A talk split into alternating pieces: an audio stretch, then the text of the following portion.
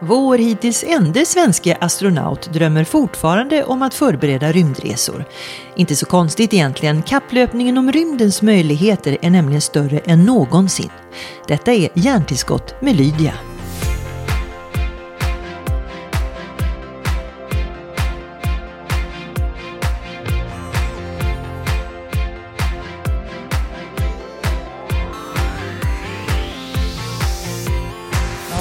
Till och med faktiskt vi eh, delade ett flyg och jag satt bredvid dig och jag skulle vara rolig. Och sa, eh, ja, sådana här hästkrafter tycker du är lamt jämfört med vad du är van vid. Så dåligt skämt. Och du var så snäll så du skrattade ja och så tänkte jag, vad är det jag sitter och säger? Du vet när man sitter, Ja, man, ja. kä- man Ja, känner inte precis. varandra så vill man säga någonting nej, för att vara nej. lite social. Ja. Ja. Christer Fuglesang, du är visserligen den första och hittills enda svensk i rymden, men du är astronaut nummer två i den här podcastserien. Jaså? Så är har det. ni haft först då? Ja, det är någon du känner väldigt väl, nämligen Chris Hadfield. Ja, just det. Precis. Han var ju här i Sverige för något år sedan. Ja. Såg det. Mm. Och vi pratade om dig. Och då sa han att, ja förutom att eh, Christer är en fena på rymdpromenader så är han också en fena på att dansa. Ja, och Chris är fena på att spela gitarr och sjunga. Ja. Och för de som inte eh, är bekanta med Chris ännu så var det ju han som blev så känd för att han spelade David Bowie-låten Major Tom i rymden. Just det. Mm. Men han har ju kört eh, sitt eget band hela tiden i Houston och, såna grejer. Det var ju alltid roliga event när han körde med sina, sitt gäng på någon bar eller något sånt där. Det var där vi dansade. Men du, det, ni, har, ni får ha roligt också när ni... Självklart, måste allt ha roligt. Så kombinera det allvarliga med det roliga. Det blir bättre så. Men varför är du så duktig på att dansa just? Därför jag hade mycket sådana fester när jag gick på tekniskt. Mm. Så såg jag vad de andra gjorde. Så försökte jag vara ännu vildare. Så. Och det klarar du ganska bra. Ja, hyfsat. Men du, det här med att promenera tyngdlöst i rymden, det är också en form av dans. I alla fall när man ser på tv-bilderna. Ja, det kan man eh, faktiskt eh, jämföra lite grann. Jag var extra försiktig bara. Ja. Du har gjort eh, två rymdpromenader när vissa fortfarande drömmer om att få göra en. Ehm, Ja, jag nu får korrigera så är det två rymdresor och fem rymdpromenader. förlåt, två rymdresor och fem rymdpromenader. Eh, vad var ditt uppdrag under de här eh, promenaderna? Ja, det var att eh, bygga vidare på rymdstationen, utrusta rymdstationen på, med grejer på utsidan. Eh, reparationer vid vissa tillfällen. Ja, det var sådana saker vi gjorde. Ja. Är det någon gång du känner att eh, du kan vakna eller drömma om, om de här sekvenserna som du har upplevt? Ah, kanske inte så mycket rymdpromenaderna i, specifikt, men eh, kan hända att jag drömmer om att förbereda sig och åka upp i rymden igen. Och, mera det än, än själva kanske att vara i rymden. Varför drömmer du om att förbereda dig då hela tiden? Antagligen för att jag skulle göra igen. Vill du göra det igen? Ja, jättegärna. Kommer du att göra det igen?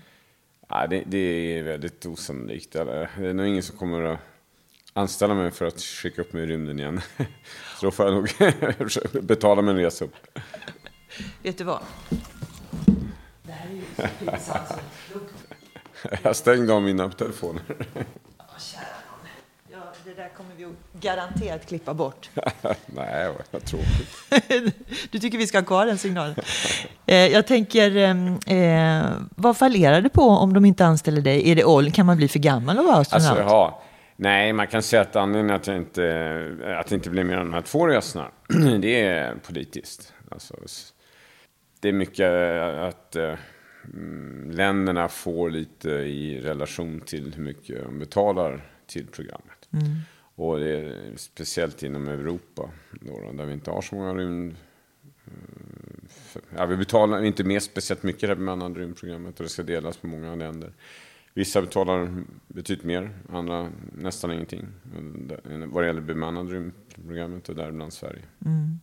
Eh, kan du säga några ord om vi fortfarande är mitt uppe i någon slags kapprustning? Eller är det, har det lugnat ner sig? Eller vad, hur ser den ut i så fall om det är en kapprustning? Nej, efter det riktiga rymdracet som ju kulminerade med, med första månlandningen Apollo 11 för ganska exakt 50 år sedan. Ja, det är 50-årsjubileum i år. Ja, precis. 20 juli. Och eh, sen så eh, mattades det av och, och man hade ett mellanevent i Apollo Soyuz-dockning 1975. Eh, och sen så var det inte så jättemycket race, men eh, man jobbade vars, på var sin sida. Men efter Sovjetunionens fall så blev det väldigt eh, ska säga, läge att samarbeta ordentligt. Och då började man då bygga den här gemensamma rymdstationen. Och den har varit ett fantastiskt eh, samarbetsprojekt verkligen. Och eh, nu kan man dock säga att det börjar bli lite race eh, mellan kanske Kina och USA. USA känner mer hotade av Kina än, än Ryssland idag. Och Kina har ett helt oberoende rymdprogram som är framgångsrikt. Eh, och det är tydligt att de jobbar mot månen. Och därför har väl då, då Trump via vicepresidenten sagt att vi måste vara tillbaka på månen snart igen. Eh, ett annat typ av race vad det gäller bemannat rymdprogram, det är det att även privata aktörer har börjat eh, eh, ja, ställa upp och göra grejer och vill vara med, eller vill vara med och tycker att nej, det är viktigt att vi kan skicka upp människor i rymden. Och där så har ju Elon Musk med SpaceX varit väldigt explicit väldigt länge. Eh, mindre känt är att Jim Bezos från Amazon, Amazon-grundaren, alltså, också har jobbat på det här. Han tycker också att det är viktigt att människor ska komma, åka upp i rymden och hans raketer liksom, börjar också bli klara nu. När han börjar prata om det. Låter som det är trångt på motorvägen upp dit. Nej, det är ganska stort trots allt. Men det börjar bli lite trångt runt eh, jorden. Nej, det är trångt, det är väl fel att ta i då. Men det börjar bli väldigt många satelliter runt jorden. Och, det kommer nästan explodera. Idag har vi ungefär 2000 fungerande satelliter runt jorden. Mm. Om tio år så kommer det vara så som 10 000. Eh, om SpaceX får som de planerar, då kommer bara de själva ha över 10 000 satelliter om 5-6 år lyckas med dem och tänker sig nu bygga ett slags internettäckande satellitsystem. Eh, och ett här... mega-wifi-lösenord till det så är du... Ja, precis. kan man säga. De är inte de enda för övrigt som försöker göra så här. Så det skulle kunna bli 20 000 satelliter. Det är många av de här som har planer som lyckas. Alla kommer inte lyckas. Men eh, det, det ökar risken att saker och ting krockar i rymden. Mm. Någon gång då och då. Eller det behöver inte vara så ofta. Men det blir mer och mer rymdskrot. Så att det, det, det där är ett problem. Mm. Men uh, jag kan, det är nog inte så att det är någon trängsel på rymd motorvägen för människor upp i rymden. Men jag tänker, eh, du som astronaut som har kanske ett enda fokus och det inte spelar någon roll vem som betalar. Är det inte fånigt att alla racear kring de här frågorna? Varför kan man inte fokusera på en och samma målsättning? Då hade det gått fortare att komma fram till målet. Tvärtom. Eh, det är ju när man har flera som jobbar parallellt och man får konkurrens som går fortare att komma fram till målen. Det hade inte varit månen idag om vi inte hade haft racet på 60-talet. Så racet triggar oss att komma fram snabbare? Ja, men det vet ju alla att det är så.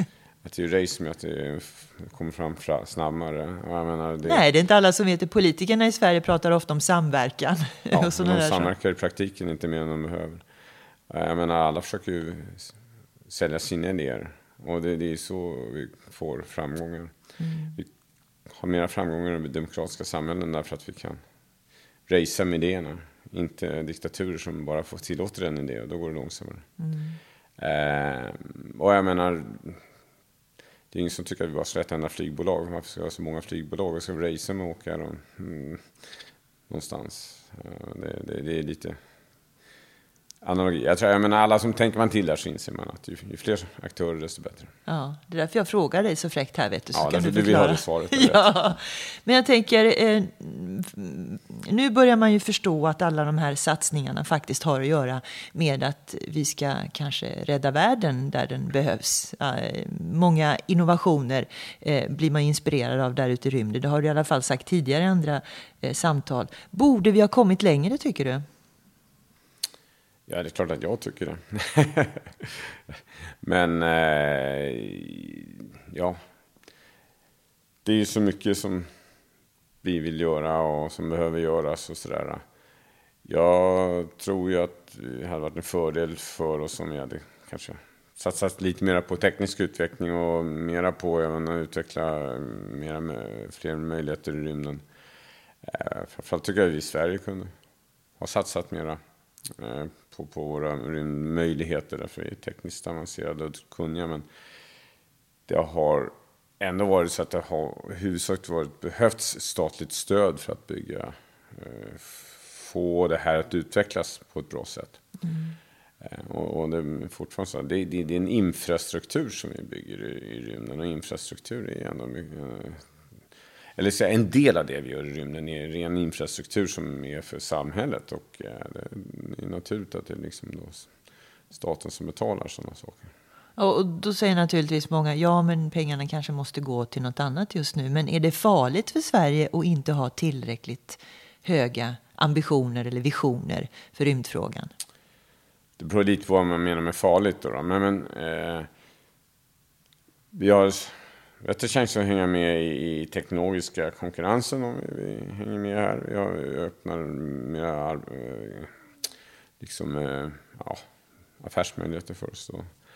Eh, farligt, lite det, det är säkerhetsmässigt så, så gäller det också att ha koll på vad som händer i rymden. Även ur försvarssynvinkel så används rymden mer och mer. Det, det ska man ju köra klart så att rymden har alltid varit ett intresse för uh, militära tillämpningar. Inte för att placera vapen där, men för att titta ner på, på uh, andra fiender. Då.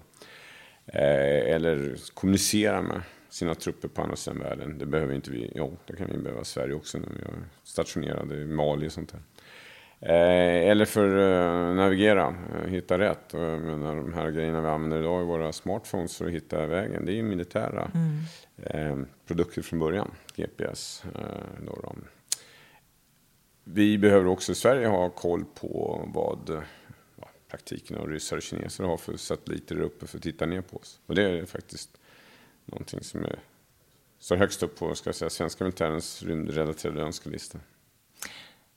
Du nämnde tidigare den bemannade rymdstationen. Eh, pratar vi om ISS då? Ja, det är den som vi har idag. Eh, som den enda sedan år 2000 ungefär. Ja. Och om jag förstår det rätt, det är NASA som äger den med andra länder, men det är NASA som är sugna på att sälja den till högstbjudande. Är det så?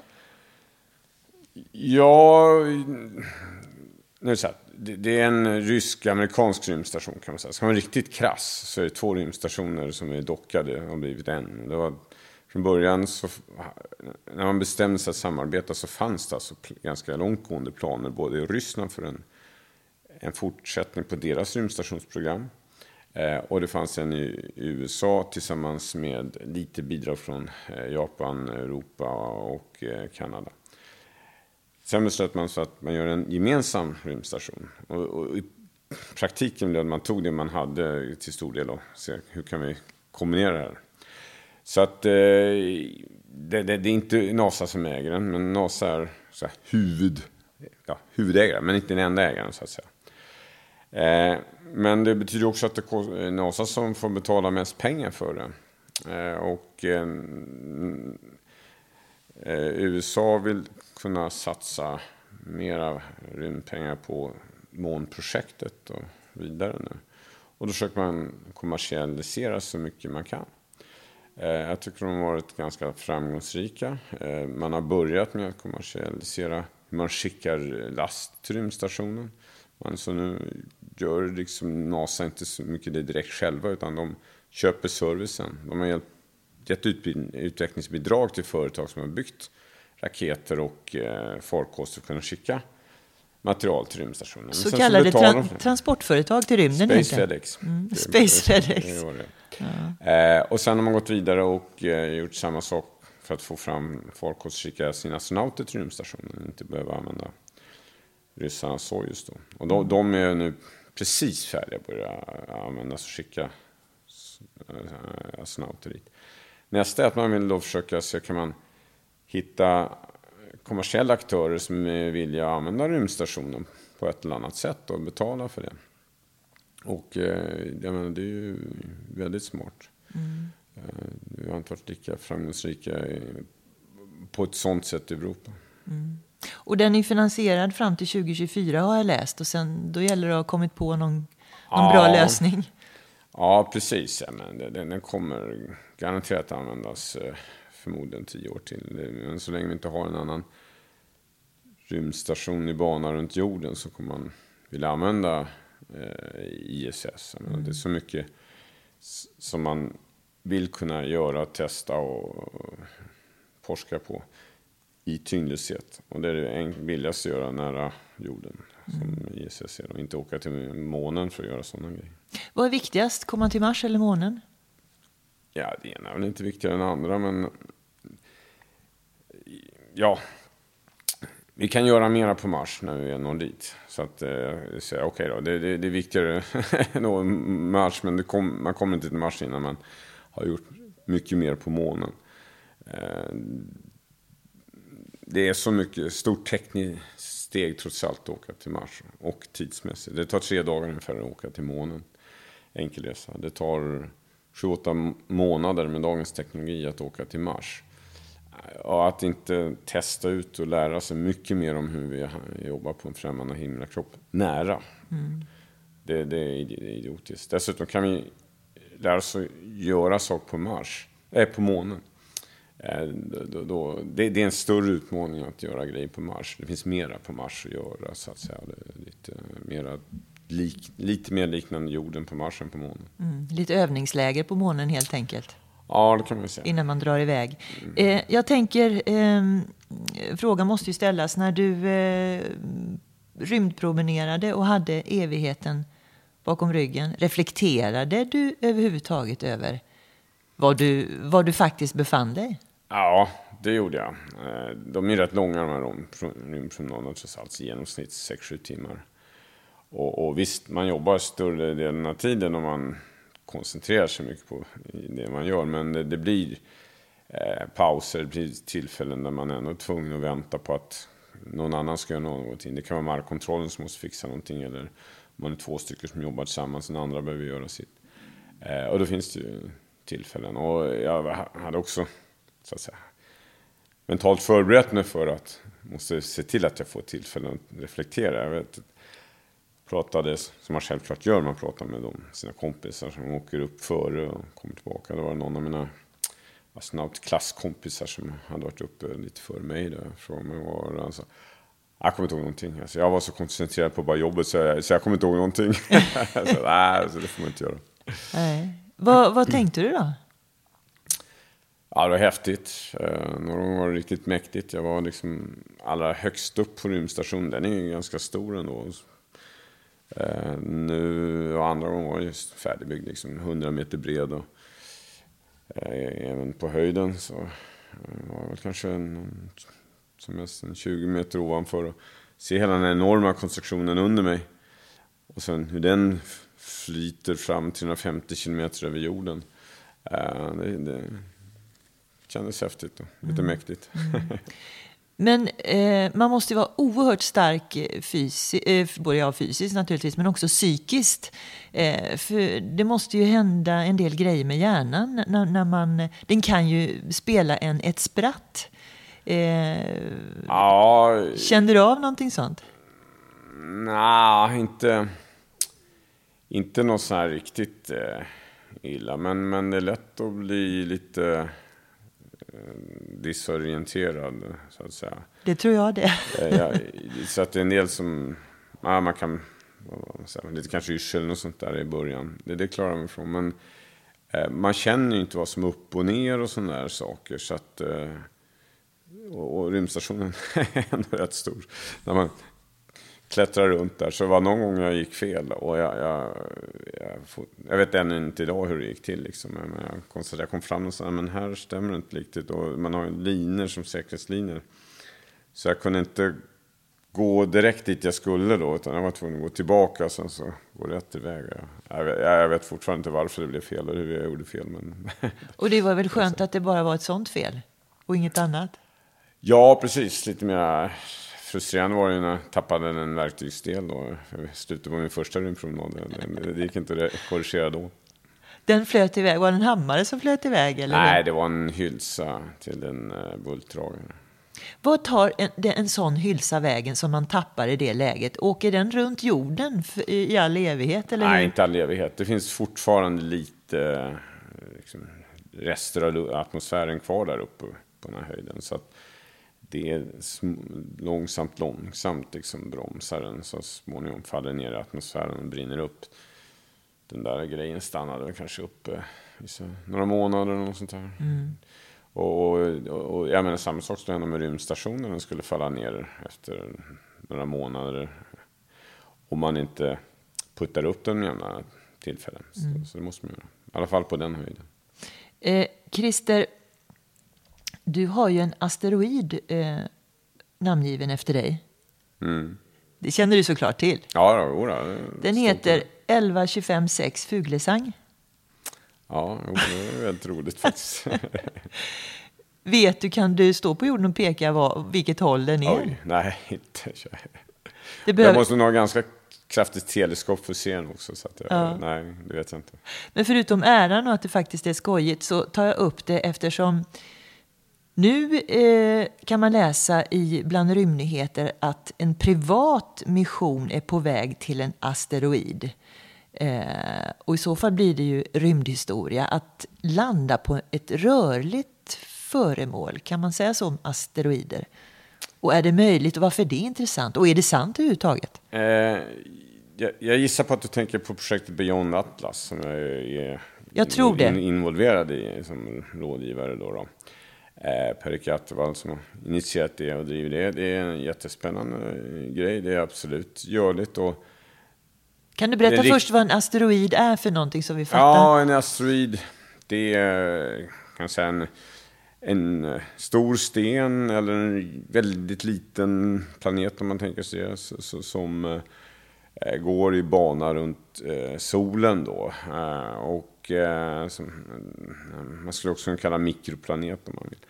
Eh, de flesta är ett stort bälte med sådana som ligger mellan Mars och Jupiter. Men, men en del ligger lite annorlunda och här, den här då som jag har glömt namnet på, men den upptäcktes bara för några år sedan. Och den går i en slags bana som är synkad med jorden. Som det är nästan som man skulle kunna kalla en mini-minimåne långt ut från jorden. Så, så därför är den lättare än någon annan ja, att nå. Då, då. Det betyder inte att det är lätt, men det är inte riktigt lika svårt som kanske att nå en, en del andra. Eh, och... Eh, eh tanken här som Per-Erik hade först var liksom att ja, men vi åker dit och kanske början på se om vi kan utvinna mineraler på en, en sån här studie. Men eh, det, det, det, är ytterligare en komplicering. Så börja med, men låt, då, låt oss bara se, till, se om vi kan åka dit och studera den lite grann. Och eh, det är nog inte säkert att det ens kommer landa, men i alla fall liksom åka dit och ha med sig instrument och mäta och sådär. Och, se, och kanske ta med sig någonting tillbaka hem? Nej, den där kommer inte åka tillbaka hem. Det, det finns sådana eh, det, finns sådana vad ska säga, rymd, rymdfärder som har gjorts, eller färder, rymduppdrag. Men eh, eh de har varit då, stora kostsamma projekt. rymdorganisationer. Ja. Men, men, eh, det finns andra, det finns faktiskt företag som har ja, etablerats eh, som, som har visionen att långt fram i tiden, kanske om 10 år, 20 år, då, då ska man börja utvinna eh, mineraler och annat från asteroider.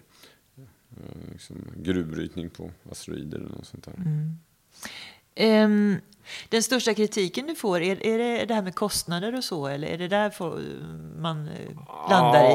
Ja, eh, det är ju det, det, det, är inte någon som brukar kanske kritisera mig så mycket för det jag säger. De kan, de kan i och för sig tycka att kostnaderna är väl dumma och vad, hur kan jag motivera det? Men inte så mycket kritik. Sen finns det en och annan crackpot som liksom säger nej men du är en jävla lögnare. Jag har visat att det går inte att åka ut i rymden. Så, så. Va? Ja, jo, jo, precis. Det, det är steget värre än att säga att man inte ens varit på månen.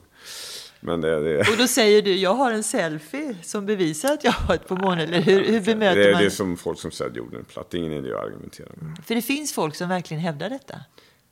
Ja, det gör det. Stora rörelser. Du menar jorden platt? Ja, och, och, ja, men jag tror att de flesta gör det bara för att det är en kul grej att provocera. Mm. Jag gjorde det själv med min pappa en gång. När vi, därför, min pappa brukade alltid hitta på dumheter. Och, liksom, för att provocera. Och det var kanske ett bra sätt att provocera, men jag argumentera så att säga. Och så på något, något tillfälle, ja, tonåren där så, jag vet inte, måste jag ha sagt något om jorden är platt? Alltså, noterade jag att han reagerade lite grann. Så, så, så, så jag körde jag det ett tag. Ja, man, jag menar... Så jag kan argumenten för varför jorden är platt. Du kan argumenten för jorden är platt? Låt mig höra. Nej, jag kommer inte ihåg. Jag har säkert glömt dem. Men, så. men du har trovärdiga argument i alla fall? De Nej, de, de var nog inte trovärdiga, det tror jag inte. men de höll tillräckligt länge vid middagen igenom? Ja, men det är bara, ja precis. Det är bara att vägra att acceptera rationella argument, så att säga. Mm. Jaha, så du är också en kommunikativ strateg, Christer Fuglesang? Nej, jag önskar jag vore bättre på det. Jag tänker, vad är den vanligaste frågan du får? Har, det finns ju massor som man undrar över när man eh, lever i tyngdlöshet och från start till hemkomst. Vad, vad, vad frågar folk? Ja, det första, många frågar bara, ja, men hur var det då? Jag måste säga, det var jättekul. Jag, får bara, jag måste bara fråga en sak, hur var det då? Det var. Sen så, annars är det vardagliga. Hur äter man, hur sover man, hur går man på toa? De grejerna. Mm. Eh, en annan vanlig fråga liksom, ja får du flyga, upp, flyga igen då? Eh, och tyvärr så får jag ju knappast det. Men, eller i alla fall inte för resa, där jag nu är pensionerad från för övrigt. Mm. Jobbar du för vilken flagg som helst, bara du får göra en resa till? Ja, det skulle jag göra. Det, men som jag brukar säga jävla astronaut. Liksom. Det finns ingen, ingen dålig rymdresa. Det kan gå åt skogen vissa rymdresor, men det finns ingen. Kommer man bara tillbaka så att säga, i alla fall så finns det ingen dålig rymdresa.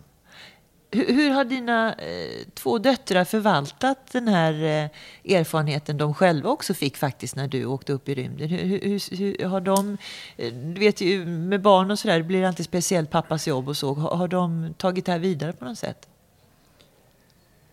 Nej, alltså...